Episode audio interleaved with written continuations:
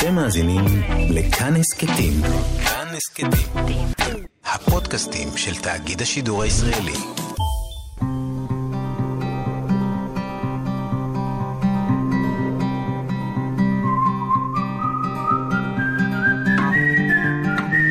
אחת פלוס חמש. אורחים וספרים עם ענת שרון בלייס. את יודעת, להוציא דף זה דבר שהוא כמעט מעבר לכוח הפיזי. אז אני תמיד חוזרת לעצמי על פסוק שאמר פעם תומאס מן, שסופרים הם אנשים שמתקשים בכתיבה. סופרים הם אנשים שמתקשים בכתיבה. שלום לכם מאזינות ומאזיני כאן תרבות. השבוע, ב-25 באוקטובר, חל יום הולדתה המאה של הסופרת יהודית הנדל. התוכנית היום מוקדשת לסופרת של דור תש"ח, שכתבה על אנשים אחרים כשם ספרה הראשון, שנים רבות לפני שהמילה אחר הפכה להיות אופנתית.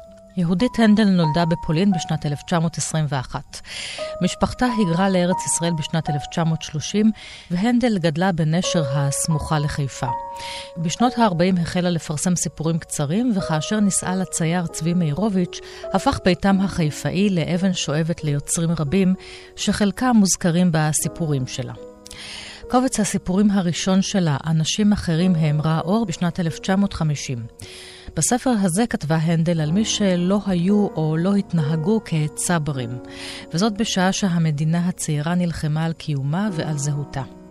למעשה היא הייתה אחת הסופרות הראשונות שהציעו כתיבה שאינה מגויסת, אבל בשם כך גם זכתה במרכאות לביקורת, והספר הזה כמעט ונעלם. מספר שנים אחר כך ראה אור הרומן הראשון שלה, רחוב המדרגות, שמתאר את עולמם של העולים המהגרים מארצות ערב שחיים בעיר התחתית של חיפה, בעוני ובתלישות, אל מול הוותיקים האשכנזים שחיים למעלה, על הכרמל. הרומן הזה זכה להצלחה גדולה, אך הספר הבא שלה, החצר של מומו הגדולה, ראה אור רק מקץ 14 שנים. באמצע שנות ה-70, לאחר מחלה ארוכה מת מאירוביץ' וחבריה של הנדל דחקו בה לשוב ולכתוב. ואכן, בתחילת שנות ה-80 ראתה אור התוצאה. הממואר שלה, הכוח האחר, טקסט פורץ דרך שמשלב פרוזה פיוטית על חיים וציור, מוות וציור, ושבמידה רבה גם קבע את המשך דרכה הספרותית. הכוח האחר זה ציטטה ממשפט שמאירוביץ' אמר. המשפט הוא לעבוד, זה לקבל את מרותו, רצונו של איזה כוח אחר, עליון, בשעה שאתה כל בוקר נתקף ייאוש שאין להביעו במילים. הנדל פרסמה עשרה ספרים. האחרון שבהם נקרא המקום הריק, ואולי יש בכותרת הזאת כדי לחזור ולסגור מעגל עם הסיפורים הראשונים שלה. בשנת 2003 היא זכתה בפרס ישראל. להנדל שני ילדים, דורית מאירוביץ' שנפטרה בשנת 2007, ושוקי מאירוביץ' שמתארח בתוכנית הזאת. ב-76' הייתה תערוכה של מאירוביץ' במוזיאון ישראל. אני הייתי הרבה מאוד נוסעת לתערוכה הזאת, מאוד אהבתי אותה. הייתי כל פעם לקחת את שוקי והיינו נוסעים לירושלים. באחד מגיליונות כתב העת לשירה הליקון התפרסמה שיחה של שוקי עם הסופר דרור בורשטיין כחלק מאסופת טקסטים שהופיעו שם לזכרה של הנדל. אני זוכרת שפתחתי את הגיליון בהתרגשות רבה, מצפה לקרוא את הדברים, אבל לנגד עיניי הופיע לפתע סיפור אישי שלא ציפיתי לו. אה, נכון. כאילו לרגע כעסתי עליך. שוקי, למה אתה עושה לי את זה? למה אתה ככה... הזיכרונות על אימא שלך הם קשים, למשל. היא המשיכה את השבעה, את האבל. כן. עד היום היא לא קמה מהשבעה. נכון. 40 שנה אחרי שהוא מת. אני, אני מכיר אותה כאימא שלי. כן. כן, היא לא, בבית היא לא הייתה הסופרת יהודית הנדל, היא הייתה אימא שלי. אני לא חשבתי שאני צריך אה, באמת לעשות... אה, לייפות. לייפות את המציאות, לעשות אידיאליזציה לדמות שלה. אני גם חושב שזה היה חוטא לה, היא הייתה אדם מאוד מורכב, מאוד מורכב.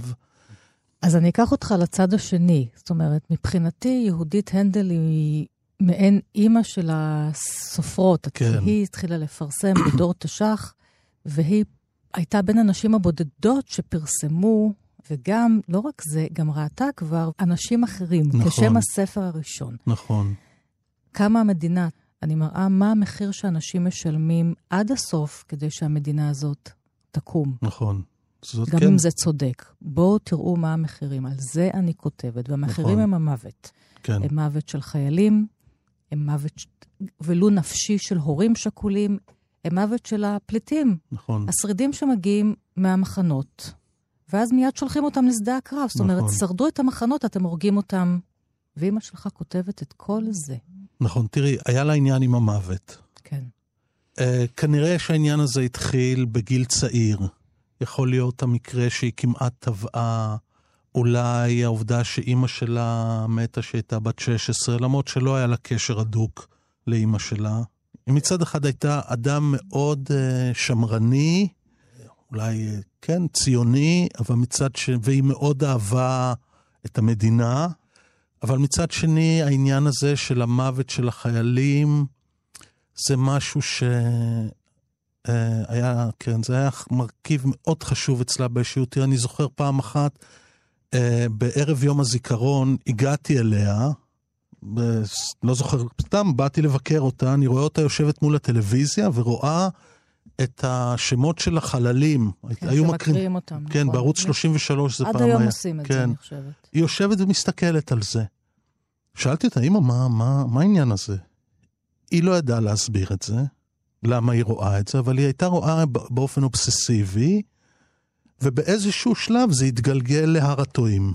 ספר הר הטועים, כן. אולי אחד הספרים החשובים שנעשו פה. נכון. על מה זה שכול, מה זאת תעשיית שכול. ספר אמיץ מאוד. נכון. שוקי, אבל אני חוזרת לשאלה שלי. כן. אתה, אני מוציאה אותך רגע מהבית. כן, אתה מכיר, חווית את אימא שלך כסופרת חשובה, כמישהו נכון. שפרצה דרך, אחר כך לדור הבא אחריה, חווית אותה ככה? אמ, קשה מאוד uh, לעשות הבחנה בין הנוכחות שלה כאימא לבין הנוכחות שלה כסופרת שיוצאים מהבית.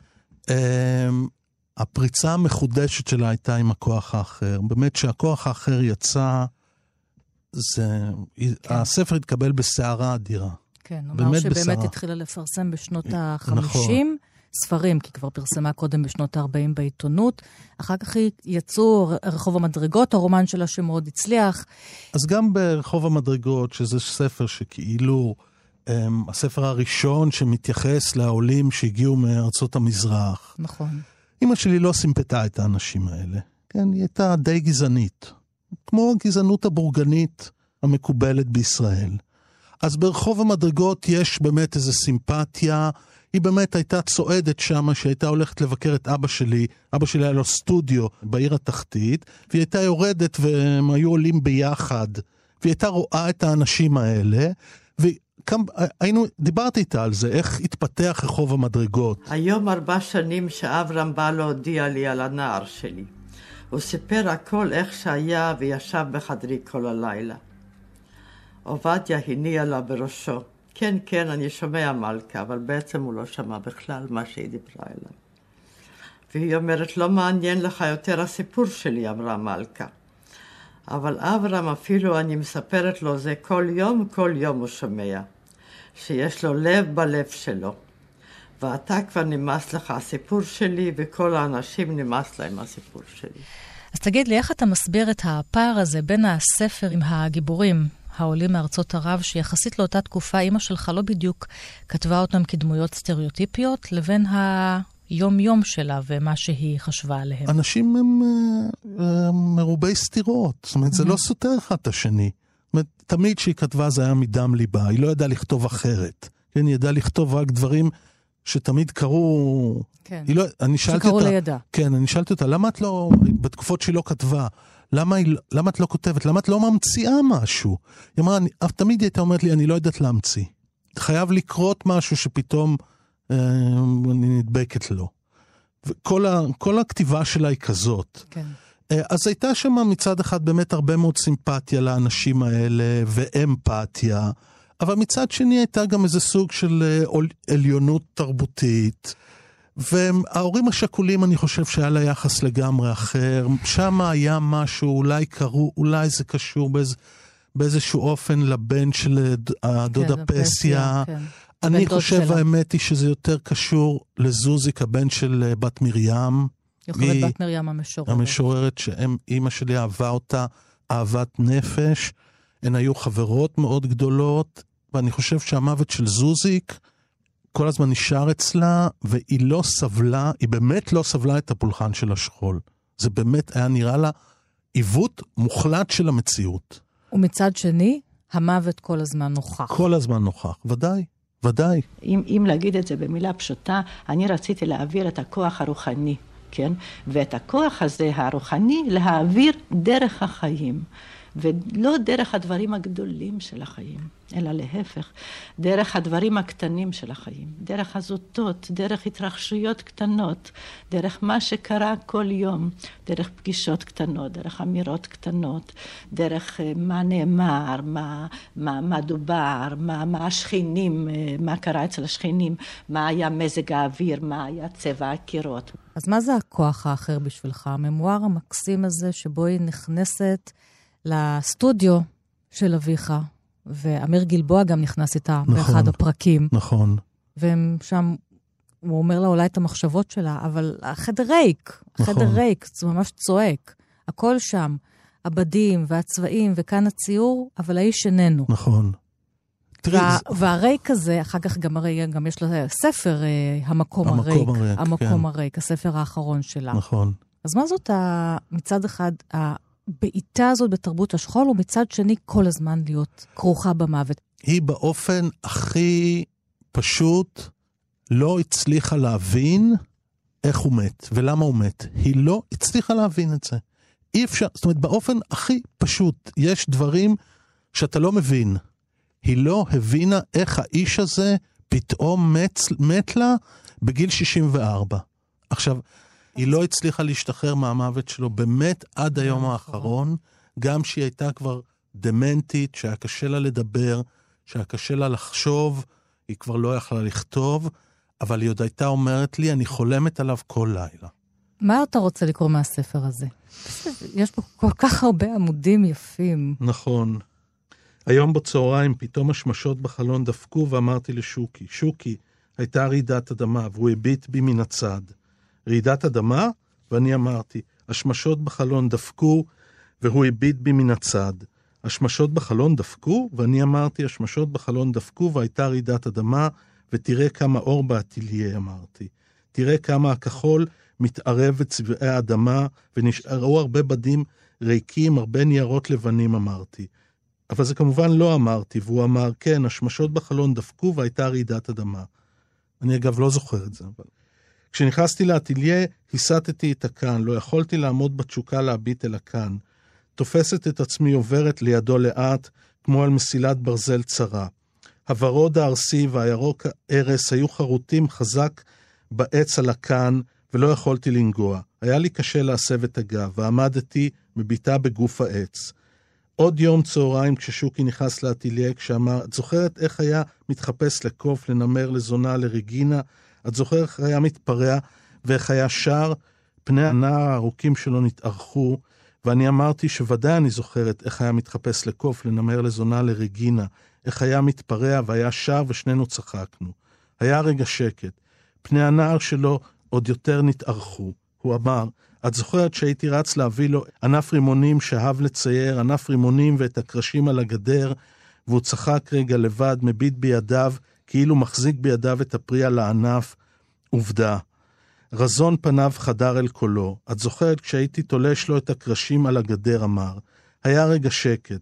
הוא עוד צחק, ואני אמרתי, אתה זוכר שצייר לימון על כיסא על דלת? והתחלתי לחפש את התמונה עם הלימון, הכיסא והדלת. היה רגע שקט, ושוקי אמר, לא, אל תחפשי את הלימון, הכיסא והדלת. תצאי משם, אמר.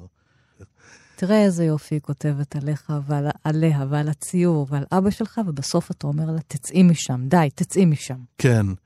טוב, יכול להיות שהיה איזה מין... כי האבל היה בלתי נסבל. את יודעת, אני הייתי ילד קטן. היית ילד, כן.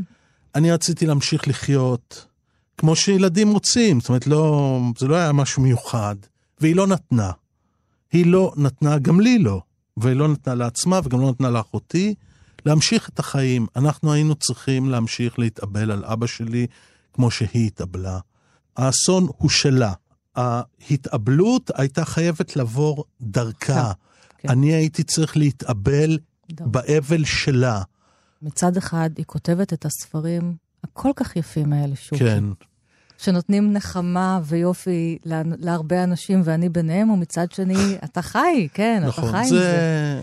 לי יש יח- יחס מאוד אמביוולנטי לכוח האחר, זאת אומרת, אני יודע ובכל זאת הוא פה על השולחן. נכון, זה כן. ספר באמת פורץ דרך, הוא גם באמת נורא יפה, הוא, הוא סתם ספר פשוט נורא יפה. שיש בו ציור, ויש בו ספרות, נכון. ויש בו כתיבה חדשה נכון. על ספרות על ציור. נכון, מה שמיכל בן נפתלי טוענת, כן. הרבה יוצרים שמסתובבים. נכון. שהיו כן, פוקדים את הבתים האנשים האלה, שלכם. כן, כל האנשים האלה היו כן. אצלנו בבית, כן, אני זוכר כן. אותם. זוכר אותם כילד. כשאני קראתי בפעם הראשונה את הכוח האחר, אני לא יכולתי לסבול אותו, בין השאר כי מאי דוחפת את העולם לתוך הבית שלי. אני חושב שהיא עושה שמה... זה לא, זה לא האיש שהוא היה, הוא היה איש אחר, הרבה יותר ויטה, זאת אומרת, ויטלי לא, אבל הרבה יותר... אמ, הוא לא היה מל, אדם מלנכולי.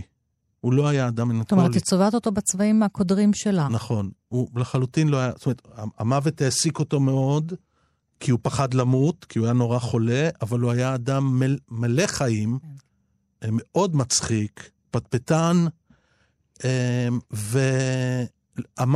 ולא הייתה, הנוכחות של המוות לא הייתה בבית ביומיום. בן כמה היית כשהוא מת? בן 12. ילד, המוות, ילד, נכון. כן.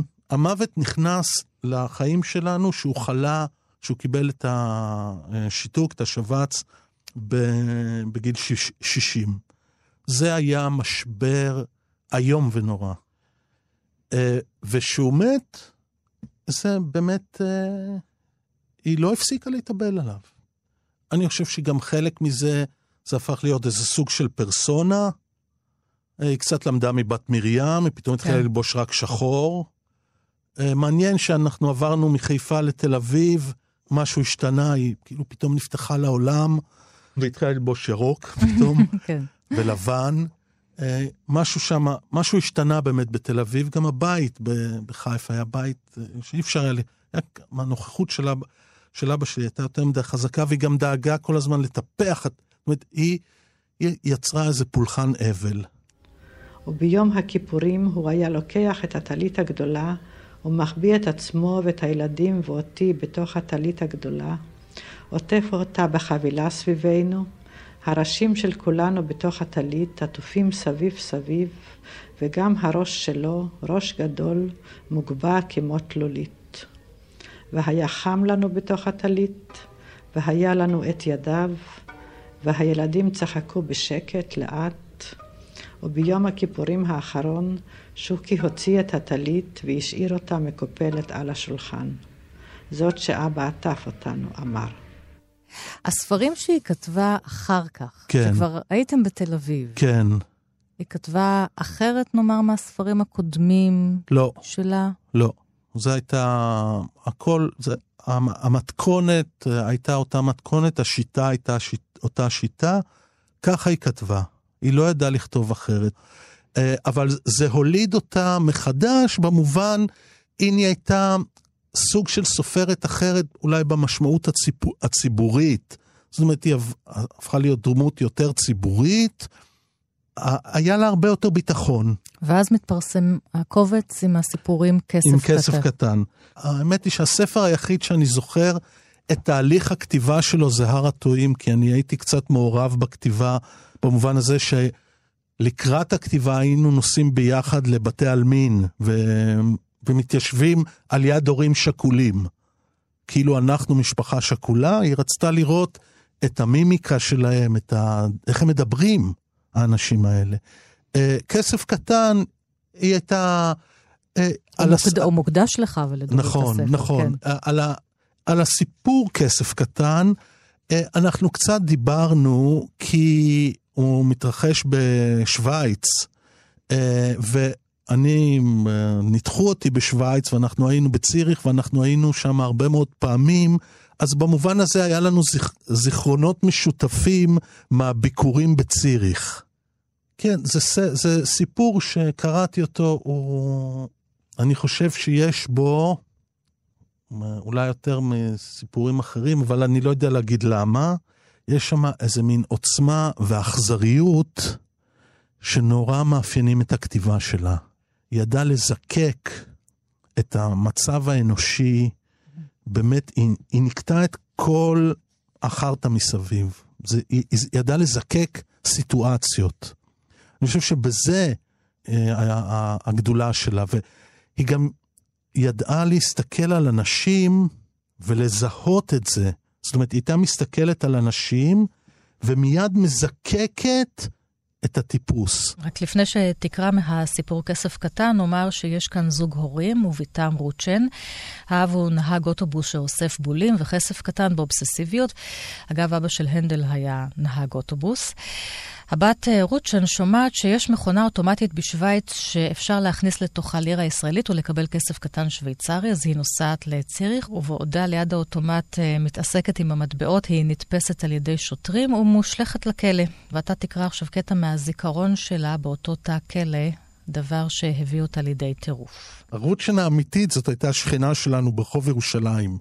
כשהיינו יורדים לרחוב ומסתובבים, היינו פוגשים את הרוצ'ן הזאת, ואימא שלי הייתה מקשקשת איתה קצת ביידיש, קצת בעברית, הייתה רוצ'ן כזאת. פניה היו לבנים מאוד עכשיו, ורק הלחיים בערו כמו שני פרחים צבועים של פרג.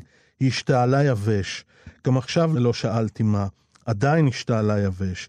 לא תנחשי, אמרה שוב, מטילה מבטים עצבניים מעבר לכתפה, כאילו ישבה גבוה כמו שם מעל הרצפה, ואותה נידחות, אותה בדידות, עדיין נאבקת במחנק החמצמץ, המילים המתרוצצות באוויר סביבה, מורחת גדול, עגול, ברוחב האצבע, מורחת, ונשארתי עירום ועריה, זהו, לא תנחשי, חזרה בשלישית, גדול, עגול, ברוחב האצבע, על כל הקירות, ואיזו חגיגה, ונשארתי עירום ועריה, ועל אלה אני בוכייה, ונשארתי עירום ועריה, ועל אלה אני בוכייה, את רואה, אני לא בסדר, אמרה. פניה נעשו ירוקים, והחזיקה את הידיים על הפנים כה הדוק שהיה נראה שיש לה ציפורניים על הפנים. בין אברי המין הצבעוניים, בין עבדאללה וחפז ואסד וצ'רלי וג'ון, על אלה אני בוכייה. אני חושבת שאני מטורפת, אמרה. זה באמת טקסט נורא יפה, והמשפט האחרון של הפסקה הזאת, את חושבת שאני מטורפת, אמרה, זה בעצם, היא מתארת כל מה שנאמר בפסקה, זה באמת איזה סוג של טירוף, כן. מה שקורה בפסקה הזאת. במובן הזה, היא באמת ידעה לזקק איזה סוג של טירוף שיש בהתנהגות הפרוזאית והיומיומית של אנשים. אנשים הם מטורפים. כולם one way or another. כן. מוזרים, מטורפים. והיא ידעה בכתיבה שלה לזהות את זה. היא ראתה את זה, והיא ידעה איך לכתוב את זה. כל הדמויות של כל הספרות מהלכות עלי אדמות. זו שאלה של בחירה ושאלה של פגישות. מה שנכון שאף פעם לא העסיקו אותי ולא עניינו אותי אף פעם אנשי המעשה. אה, תמיד עניינו אותי יותר האנשים שבשוליים. האנשים שחיים איכשהו ללא מוצא ובלי דרך. שהמאורעות הקטנים, כביכול התת-מעשים, הם האמיתיים. זאת אומרת, אין מרכז ואין, ולא פריפריה. הפריפריה היא המרכז. האנשים האלה חיים עם עצבים יותר פתוחים. וזה תמיד ריתק אותי. כאן תרבות, תוכנית מיוחדת במלאת 100 להולדתה של הסופרת יהודית הנדל, וכעת אני עוברת לשוחח עם חוקר הספרות גיא ארליך. גיא כתב על הנדל את עבודת הדוקטורט שלו, והוא בכלל הגיע אליה דרך סופרת אחרת, דבורה ברון, מי שנחשבת לאם של הספרות העברית. מאחר ששתיהן כותבות הרבה על מוות, גיא החליט לחזור ולקרוא בספרים של הנדל, מהראשון ועד האחרון, והתאהב. אבל כבר בתחילת השיחה הוא אומר לי, את חושבת שהנדל היא אולי האימא השנייה של הספרות העברית, אבל זה לא כך. הנדל לא נתפסת כאימא שנייה, זה בעצם ברוני האימא הראשונה ועמליה כהנא כרמוני אימא שנייה. ולמה מדלגים על הנדל? אבל באופן כללי, היצירה המוקדמת שלה אמ, די נשארה בשוליים. אמנם רחוב המדרגות, שהוא הספר השני, אבל הרומן הראשון שיצא ב-55, אה, היה כזה רב מכר היסטרי של שנות החמישים, אבל היא כאילו מתגלה מחדש, או, או מתקבלת רק כזה משנות ה-80 והלאה, ואז כאילו היא נשארת מאחור באיזשהו אופן. למרות שהיצירה המוקדמת שלה מאוד מעניינת. וכאן כן, אנחנו מגיעים לאנשים אחרים הם. כמו שם הספר, זאת אומרת, אני עוסקת באנשים האחרים, לא בגיבורי הצבא והפלמ"ח, לא באורי הלך בשדות. אני כותבת, mm-hmm. גם אם אני כותבת על אורי, על חיילים שמתו, אני כותבת עליהם אחרת, ואני כותבת על הפליטים של השואה, ואני כותבת על הערבים ששילמו מחיר בנכבה, אני כותבת עליהם אחרת, אני רואה את כולם.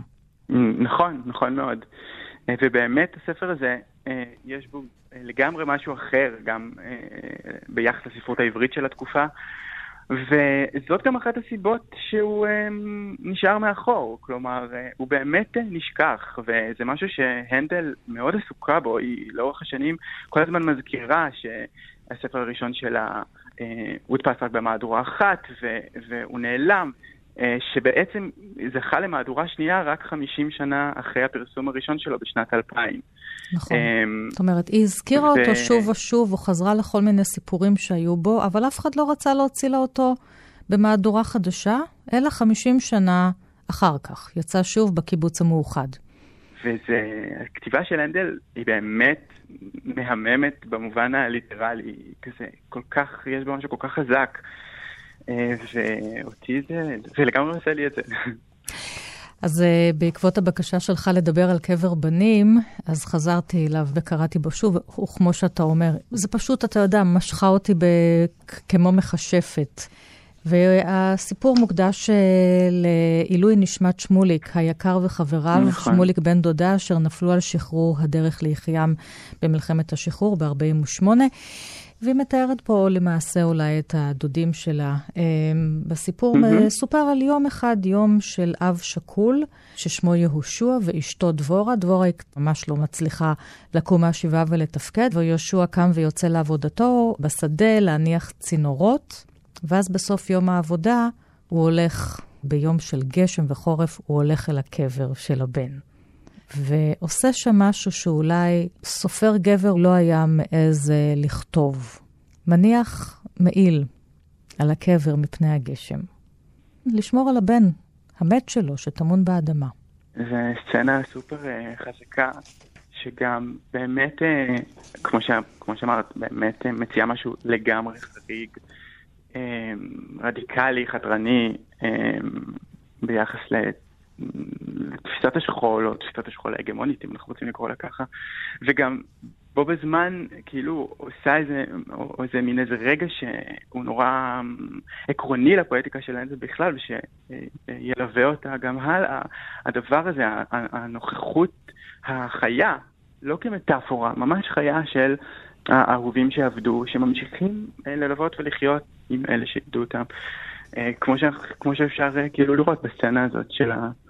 אה, מעיל. כן, זה סיפור, אה, הוא באמת אה, חשוב, כלומר, גם בקורפוס של הנדל, דן מירון אומר שהוא סיפור מפתח ביצירה שלה. אני אצטט כמה שורות מהסיפור הזה. האב כאמור ניגש אל קבר האחים הגדול והתבונן שהגשם יורד עליו. אנחנו מדברים על קבר אחים בכלל, באותה תקופה שכל כך הרבה חיילים מתו במלחמת השחרור, אפילו לא היה להם קבר אחד-אחד. Mm-hmm. עשב כבר עלה על פני הקבר, הוא התנשם כבד וקרא על האדמה, הניח ידו עליה והיא רעדה כמו עלה. ריח חריף עלה ממנה, גשם דק היכה בעורפו והוא נצמד לתלולית שהכחילה בקור כגוף חי ולחץ אליה את כפות ידיו כמו הייתה גוף חי. הנה, כאילו האדמה ו... ומי שקבור בה הוא גוף חי. פתאום mm-hmm. בתנועה חטופה הסיר את מעילו ושיטח אותו על הקבר. אחר כך עמד מביט בקבר האחים העזוב המכוסה במעיל. כל הלילה יהיה הסגריר מעל הקבר. הוא לקח אבן והניח על המעיל, עכשיו לא תעיף אותו הרוח. פתאום חשב שלא יוסי לבדו טמון פה. 42, כן, זה המספר משיירת יחיעם. הוא נרעד, קור עז עבר בגופו והוא התכופף על המעיל והחזיק רגע באבן, והגשם ירד. אני קוראת את זה ואני לא יכולה שלא להיזכר בשיר של יהודה עמיחי, גשם בשדה הקרב. גשם יורד mm-hmm. על פני רעי, על פני רעי החיים, אשר מכסים ראשיהם בשמיכה, ועל פני רעי המתים אשר אינם מכסים עוד. כאילו, יש פה איזה מין, אה, אה, איזה, באמת איזה רגע אה, חזק, ש, כן. ששוב, שגם תופס איזה משהו מהפואטיקה של הנדל אה, לפני ו- וגם אחרי. ואולי כדאי שנציין שהסיפור קבר בנים מתפרסם קודם כל בעיתון, והיא קראה לו שם יגון, וזה מאוד יגון, מעניין, כן. כי יגון זה סיפור של צ'כוב. ואולי גם צ'כוב, אה, אתה יודע, נכון, מחלחל לפה, כי מאוד, זה, זה, זה כל כך נוכח, העצבות, היגון הזה של אה, יהושע האב, שגם אין לו עם מי לדבר, הוא לא יכול לדבר את זה עם חבורת הפועלים שהוא עובד איתם ביחד בשדה. זה כל כך מזכיר את יונה, שרוצה לדבר אל האנשים בעגלה שלו. והוא לא מצליח. זה כל כך צ'כובי, אה, הרגע הזה. לגמרי. אז אתה מדבר על האבל הנצחי הזה, הפואטיקה של יהודית הנדל, וזה לוקח אותנו אה, לאסופה תיעודית שלה שנקראת אה, ליד כפרים שקטים, מסע שהיא עשתה, כן, היהדות החרבה כן. בפולין, כן. של הכפרים, אה, הבתים של היהודים שכולם נחרבו, הושמדו בשואה. אה, גם אבות ישורון אמר לה, אה, לכי אל העיר שלי, לקרסניסטב. והיא חזרה משם, היא עשתה על זה סדרת uh, שיחות ברדיו, וגם זה יצא um, כספר. אבל גם הוא, um, כמובן שגם בו יש איזשהו, כלומר, הוא כן חלק בעיניי מהפרוזה של הנדל, ולא איזה משהו uh, נפרד, uh, שגם מקיים איזה קשרים הדוקים עם הספרים האחרים שלה. Uh, ספר... Uh, נפלא בעיניי, אני ממש ממש אוהב אותו כל כך. שראשיתו באמת בשליחות מטעם כל ישראל לפולין בשנת 86, אמ, וכשהיא חוזרת היא משדרת חמש שיחות רדיו, ששנה לאחר מכן, ב-87, מתפרסמות אה, בספר הזה. אז גם חשבתי שזה יכול להיות נחמד אה, אה, לחתום את השיחה שלנו, את שיחת כן. הרדיו הזאת בשיחות רדיו קודמות. אה, אף פעם לא חשבתי צריך לנסוע לפולין. וזה התחיל מאוד במקרה. אה, את בוודאי זוכרת שטלפנת לי פעם, וביקשת שאכין איזה תוכנית. ואמרתי לך שאין לי זמן, ואני באמצע כתיבת סיפור, ואין לי כל אפשרות להפסיק את העבודה על הסיפור הזה, ואני שקועה מאוד, וגם אין לי כל מחשבה על מה. ואז אמרת, אולי על איזה מקום. אולי קצת תיסעי לאיזה מקום. אה, אינני יודעת למה התכוונת מקום, אבל לגמרי בלי לחשוב, אמרתי, אולי הייתי נוסעת לפולין. ממש, בלי שחשבתי על כך דקה לפני זה. אז מה ו... אתה קורא לנו מהספר הזה? זהו, אז אני בחרתי להקריא מהסוף שלו, ממש כזה. הייתי בפולין 12 יום, אבל היו אלה 12 ימים ארוכים מאוד. ארוכים הרבה מעבר לעוד שעה ועוד שעה ועוד שעה, כמו סוג אחר של זמן.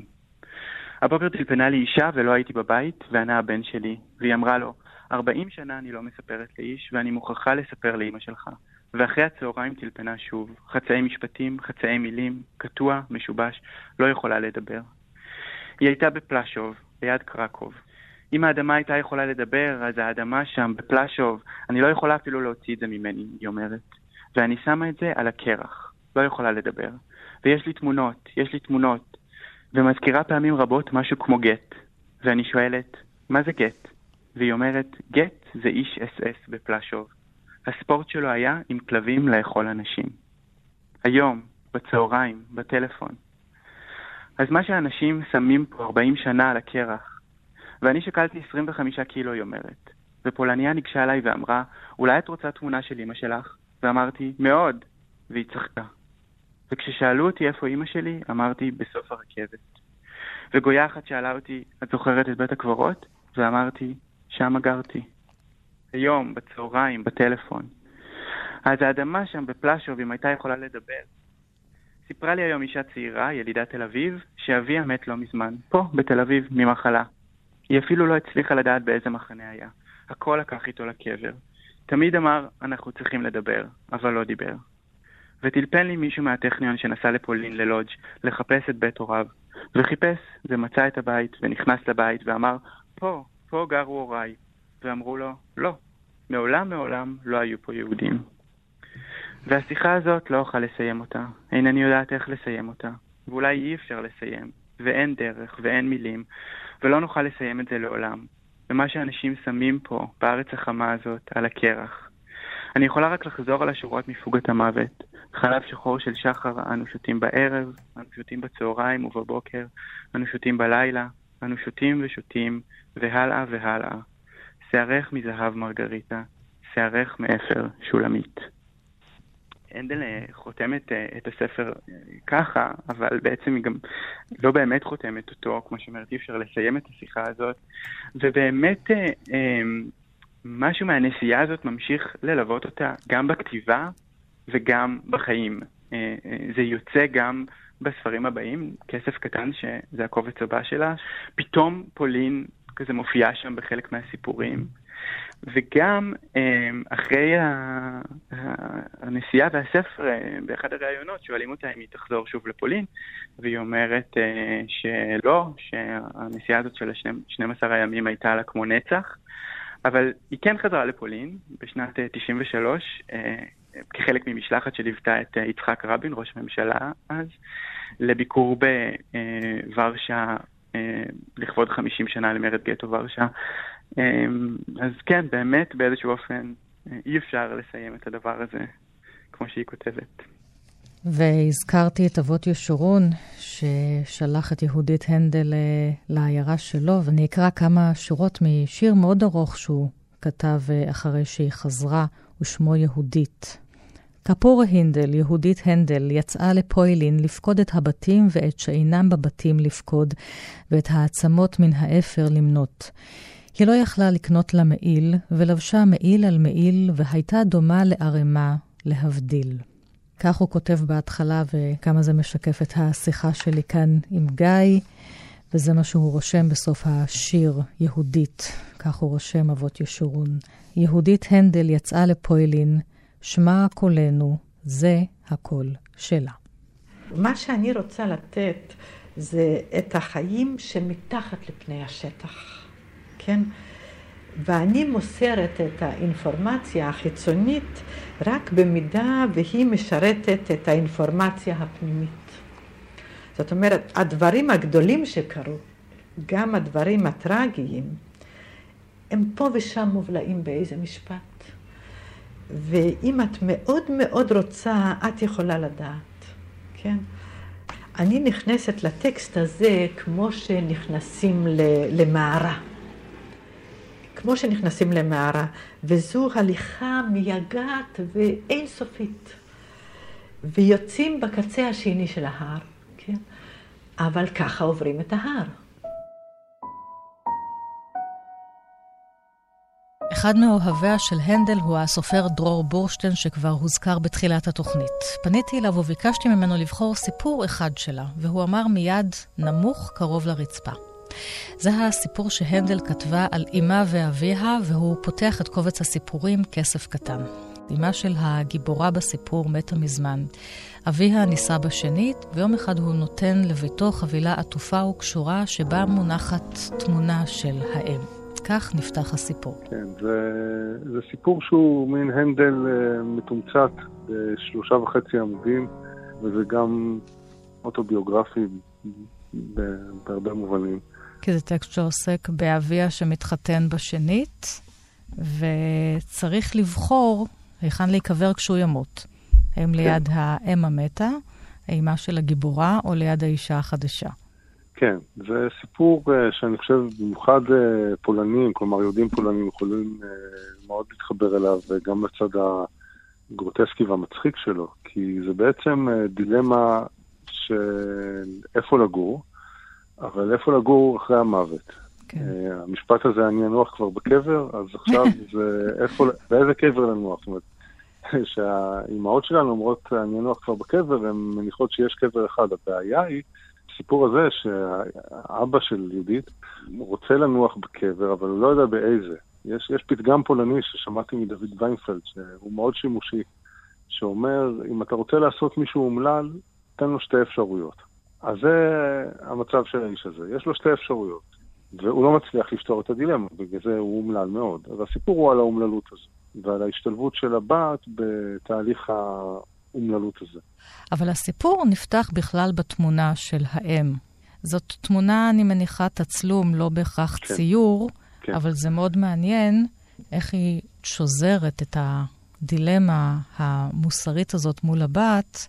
אה, בתמונה של האם, היא לוקחת אותה אליה הביתה, ובסוף הסיפור היא תולה אותה, אבל לא על הקיר למעלה, כמו שתולים בדרך כלל תמונות, ציורים, אלא נמוך, קרוב לרצפה. כמו קבר. כן, זה קבר אבל שמתוכו אפשר להציץ כל הזמן. קבר מילא, יש תרבויות שקוברות את המתים בקירות הבתים. אפשר uh, להזדעזע מזה אולי, אבל בסדר, uh, מאחורי הקיר, uh, אולי אפשר לשכוח אותם, אבל זה קבר פתוח. היא שמה אותה נמוך, והיא כותבת שם במפורש בסוף הסיפור שהיא כל הזמן מסתכלת עליה, האימא. כלומר, כן. האימא מסתכלת עליה uh, מהצד, מציצה משם רק מהצד. כל יום היא נראית יותר צעירה. זה גם דבר יפה, מה זה כל יום נראית יותר צעירה? היא לא יכולה לראות, היא לא יכולה לראות יותר צעירה כל יום, אבל הסיבה היא ככל הנראה בגלל שיהודית הבת נעשית יותר זקנה, האימא שלה שקפאה בתמונה, ביחס אליה נעשית יותר צעירה. וזה שהיא אומרת שהיא נעשית יותר צעירה, היא גם אומרת את ובעונה אחת שהיא בעצמה, כלומר יהודית, הבת, שהתמונה מביטה בה, הולכת ומתקרבת בעצמה לקבר, ובעצמה למצב של התמונה אה, הקפואה הזאת. זו דרכה להגיד את זה, כן? כלומר, כל הסיפור הזה שבעצם עוסק בהתלבטות של האבא איפה להיקבר, יהודית מבינה אולי בסופו של דבר שהיא לא מתבוננת בדילמה הזאת מבחוץ, מכיוון שהיא, כמו כולם, מתקרבים לשם בעצמם. אבל, אבל בקיצור, אפשר לראות את, ה, את הדילמה שלה בתור מישהי שמוקפת במתים. כלומר, גם האמא החורגת מתה, גם האמא הביולוגית מתה, האבא שלה עומד למות והוא באמת מת בסוף הסיפור. בעלה, צבי מאירוביץ' מת, זה היא רומזת לזה שהיא מדברת עליה כדיה. והיא היחידה שכאילו נותרה עדיין אה, לדבר ולספר על זה. אתה רוצה לקרוא את העמוד האחרון שלו, של הסיפור? כן, בשמחה. אז זה מתחיל מהמשפט האחרון שהוא אומר, ואז כבר מתחיל להידרדר. קולו להט. לא, אני לא יכול להיות לבד באדמה חזר. ידיו עוד רעדו והוא המשיך לשתות לאט, מחזיק את הכוס בשתי ידיו.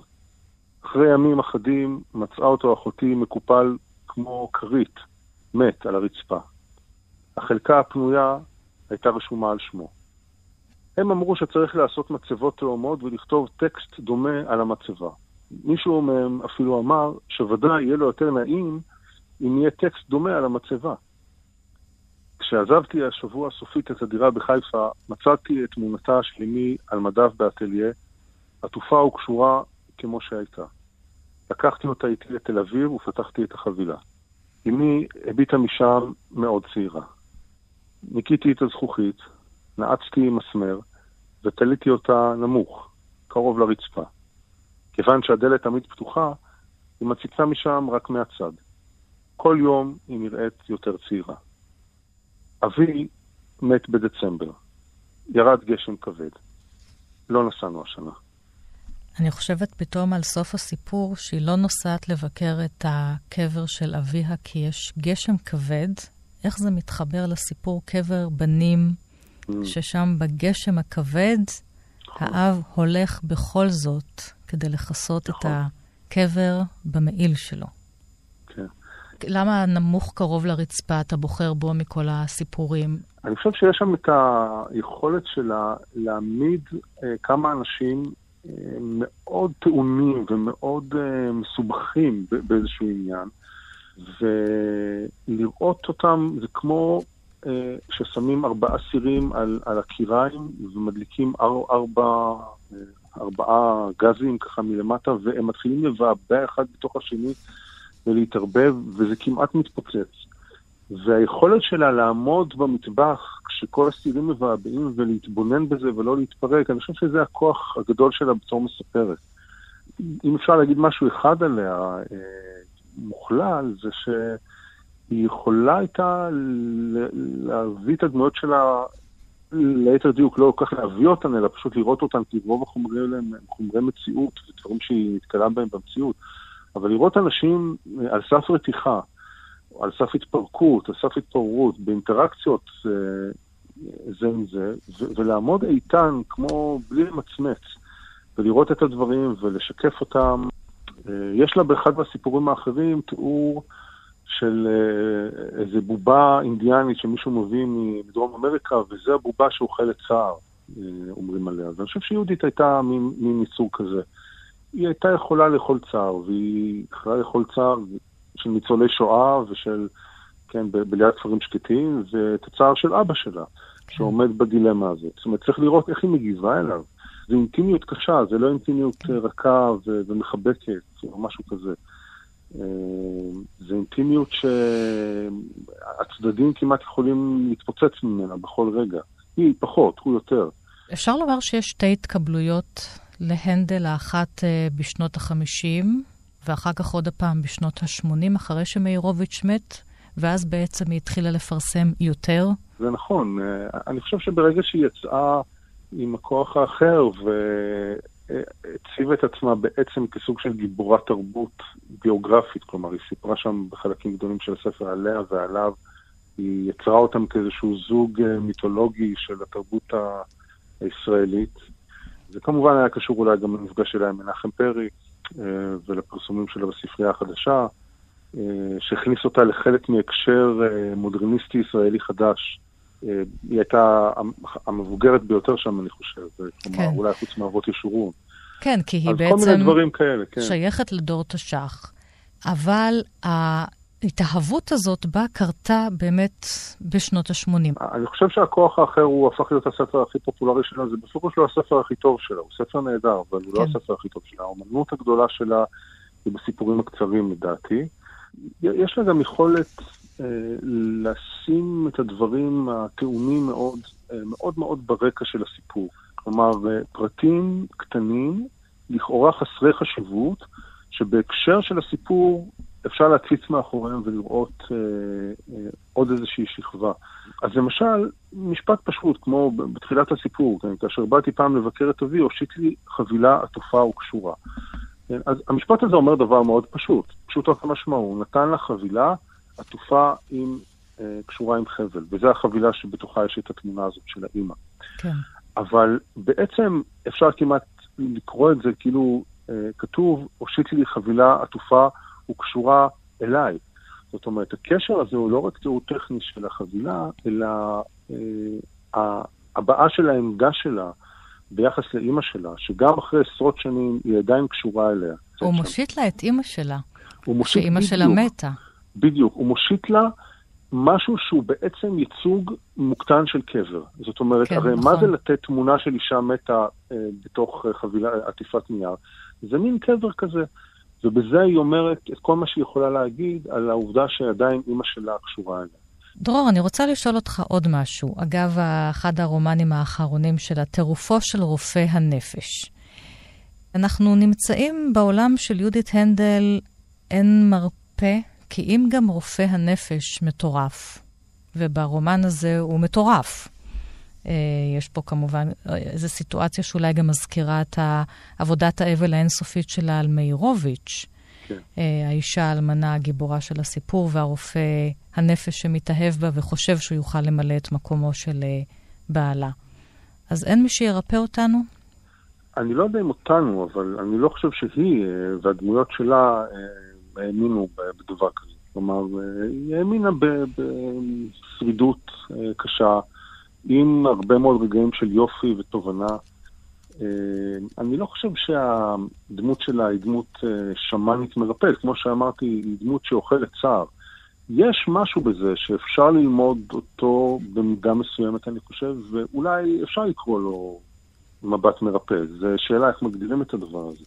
אבל היא מלמדת איזושהי עמידות, איזושהי עמידות מול, אה, מול דברים נוראים ואיומים שיכולים לקרות בחיים. אה, ולכתוב את זה, כן? אני חושב שזה הרבה מאוד. אה, במובן מסוים יש כאן איזשהו יושר קיצוני, אה, לפחות מבחינתה. היא לא מכרה תרופות אלים, היא מכרה בובה שאוכלת צער, כן? כן. זה הרבה מאוד. אני גם מאוד אוהבת את הסיפור נמוך, קרוב לרצפה, אבל כאמור דרור בורשטיין אה, ביקש לדבר עליו. אז בחרתי לקרוא קטע קצר מתוך סיפור אחר שלה, שחותם את קובץ הסיפורים כסף קטן, הסיפור ששמו "איך הכרתי את הצג". הלא הוא המשורר אורי צבי גרינברג. את הצג הכרתי דרך אמי, פותחת אה, הנדל את הסיפור. עם השנים כבר לא הייתה אז בחיים. ישבתי בקפה קטן בכיכר דיזנגוף שנקרא קנקן. היה לפנות ערב. זה היה קפה עם שולחנות אדומים, צרים וארוכים, וספסלים אדומים, צרים וארוכים, והמשענת של הספסלים הייתה שחורה וגם כן צרה וארוכה, ולשולחנות היו רגליים דקות מרובעות, וגם הרגליים היו שחורות. ישבתי בחוץ לבד, ובאחד השולחנות הקרובים ישב אדם בעל שיער אדום, שידעתי שהוא אורי צבי גרינברג. הייתי נערה מאוד צעירה, גם לא העזתי להביט לכיוון שלו כמובן. אבל הרגשתי כל הזמן את מבטו נעוץ בי חזק, באותו אופן מביך כאשר אתה מרגיש מבט נעוץ בך חזק. העמדתי פנים שאינני יודעת כמובן, ואינני מבינה, ואינני רואה, אבל כל הזמן הרגשתי את מבטו עליי חזק. ופתאום שמעתי מישהו מסיט כיסא ברעש, בתנועה פתאומית חדה, וראיתי אותו מתקרב אליי. הוא התקרב מהר, בלהיטות, כמו שבאמת מתקרבת להבה, ולא עברה דקה ומולי עמד הצג. למשל, פעם פגשה אותי ברחוב אישה שלמדה אצלו ציור, והיא סיפרה לי שהוא היה מעמיד להם דומם, והוא היה אומר להם, היא אמרה לי, תשבו עם הגב לדומם, ותעבדו עם הגב לדומם. המשפט הזה שהיא אמרה לי, פתאום נתן לי מפתח לכתיבה. אני פתאום אפילו חשבתי, אני צריכה לשבת ולכתוב עם הגב לחיים, לחיים שלי, וזה אולי ייתן לי אפשרות לעבוד. עד כאן השיחות על הסופרת יהודית הנדל במלאת מאה שנה להולדתה. קטעי הרעיונות עם הסופרת נלקחו מתוך ארכיון כל ישראל. כאן באולפן, ענת שורון בלייס, תודה לכם ולהתראות.